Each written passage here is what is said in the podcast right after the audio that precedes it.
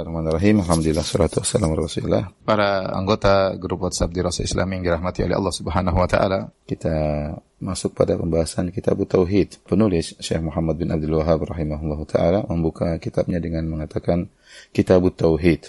Tauhid ya yang artinya secara sederhana adalah mengesahkan Allah Subhanahu wa taala.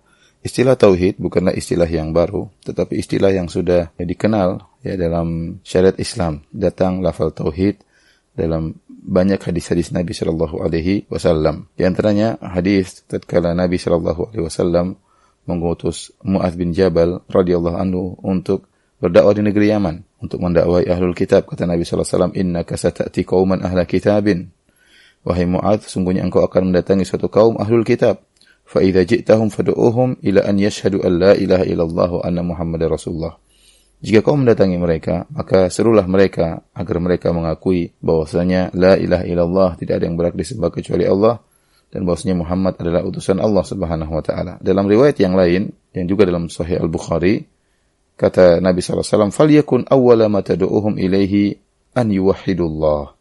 Jadikanlah dakwahmu yang pertama kali kepada mereka adalah an yuwahhidullah agar mereka mentauhidkan Allah. Jadi karena tauhid itu dari wahada yuwahhidu dari bahasa Arab artinya dari wahada yuwahidu tauhidan yang artinya mentauhidkan, mengesahkan. Dalam lafal ini sangat jelas kata Nabi, "Falyakun awwala ma ilaihi ayyuhidullah." Jadikanlah dakwamu yang pertama kali adalah agar mereka mentauhidkan Allah. Bahkan dalam riwayat yang lain, hadis riwayat Daruqutni dalam sunannya, lebih tegas lagi kata Nabi, "Falyakun awwala ma ilaihi tauhidullah." Jadikanlah dakwahmu yang pertama kali kepada mereka adalah mentauhidkan Allah Subhanahu wa taala. Kemudian juga dalam hadis yang lain, Rasulullah SAW bersabda, "Anna rajulan lam ya'mal minal khairi syai'an qat illa tauhid." Ada seorang laki, ya, jadi orang-orang terdahulu, dia tidak memiliki kebaikan sama sekali. Qat sama sekali tidak punya amalan kebaikan.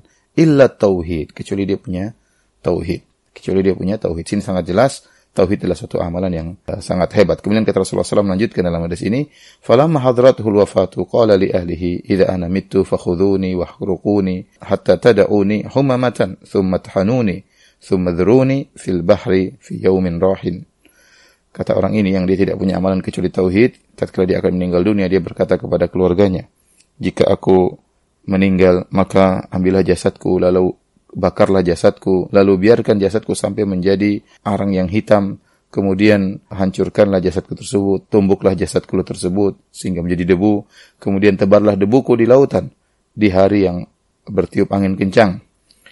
Nabi berkata, "Fafa'aluhu bihi dhalik." Maka anak-anaknya pun melakukan wasiat orang tuanya ini, ya.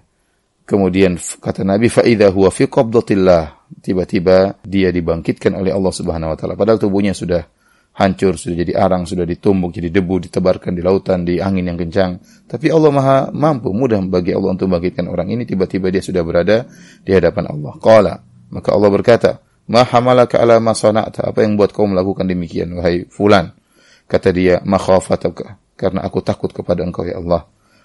Nabi berkata, "Faghfarallahu lahu," maka Allah ampuni dia. Perhatikan di sini, orang ini dia ya, melakukan kesalahan besar dia karena ketidaktahuannya dia menyangka bahwasanya kalau dia dihancurkan dijadikan debu dilemparkan mungkin dia tidak dibangkitkan kembali oleh Allah. Ternyata Allah mampu membangkitkan dia. Namun Allah ternyata memaafkan dia. Kenapa?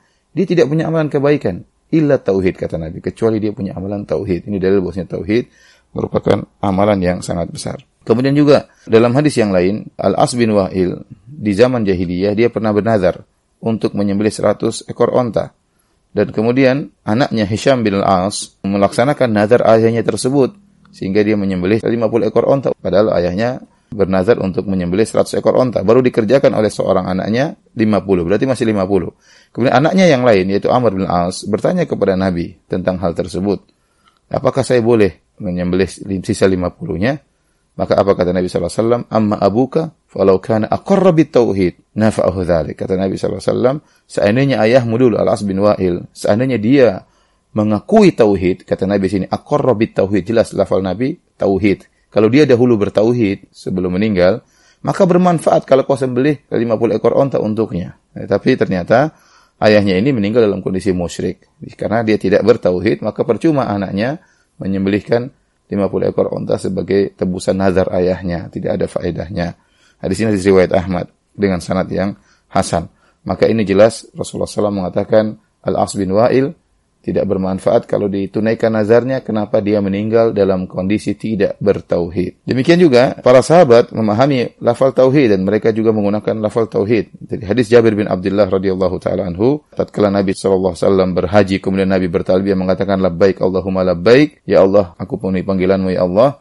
Maka apa kata Jabir? Fa ahalla bit tauhid. Nabi SAW bertalbiyah, membuka ya hajinya dengan tauhid. Jadi maksud saya ya karena dalam lafal talbiyah Nabi itu ada tauhidnya labbaik Allahumma labbaik labbaik la syarika lak labbaik innal hamda wa ni'mata lak wal mulk la syarika lak.